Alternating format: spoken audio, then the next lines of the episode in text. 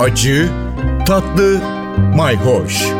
Yemek kültürü yazarı Aydın Öneytan'la bir tutam tarif, biraz da tarih. Merhabalar. Yılbaşı soframızın tam ortasına cezeryeden bir yılbaşı ağacı oturttuk. Çok güzel süsledik ama cezeryenin ben birazcık da lezzetine girmek istiyorum. İçine bir miktarda tarçın ve karanfil de konuyor ve inanılmaz güzel yılbaşına yakışır bir lezzet oluyor.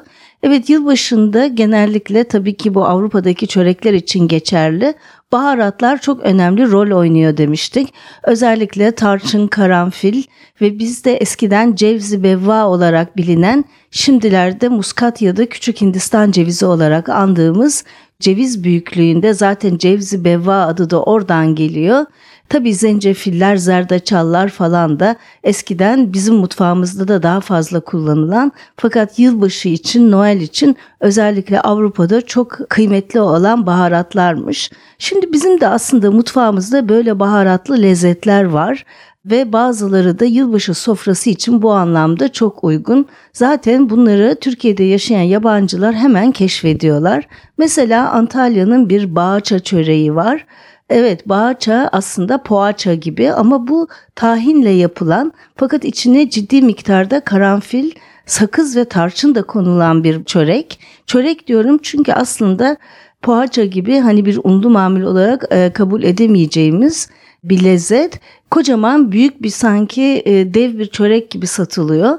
Dolayısıyla mesela bu yılbaşı için inanılmaz hoş bir lezzet. Mardin çöreği vardır. Zaten Süryaniler onu yılbaşı ve Noel için de yaparlar. Kliçe mesela. Cezerye fikrini zaten bende canlandıran Tarsus Yeryüzü Pazarı var. Orada Tarsus Yeryüzü Pazarı'nda bu slow food hareketinin düzenlediği bir pazar. Her cumartesi günü kuruluyor. Orada ailesinin geleneğini yaşatmaya çalışan Gülşah İnal var. Ben de kendisini Tarsus Slow Food grubu lideri e, Yasmina Lokmanoğlu'ndan öğrendim.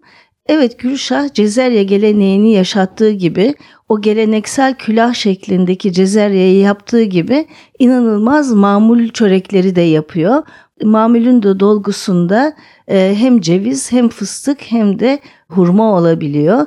Evet bu çöreklerimizin hepsi aslında son derece yılbaşına da uygun lezzetler.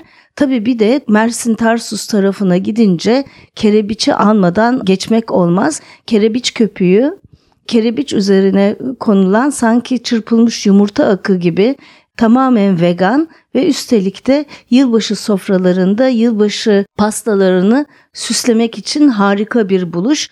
Cezeryeden yapılmış yılbaşı ağacınızın etrafına kar yağmış gibi kerebiç köpüğünden de bir zemin yapabilirsiniz. Birazcık çarşı pazarı dolaşınca zaten daha ne fikirler çıkıyor. Evet fikirleri kaçırmayın, takipte kalın, hoşça kalın. Bir tutam tarih, biraz da tarif.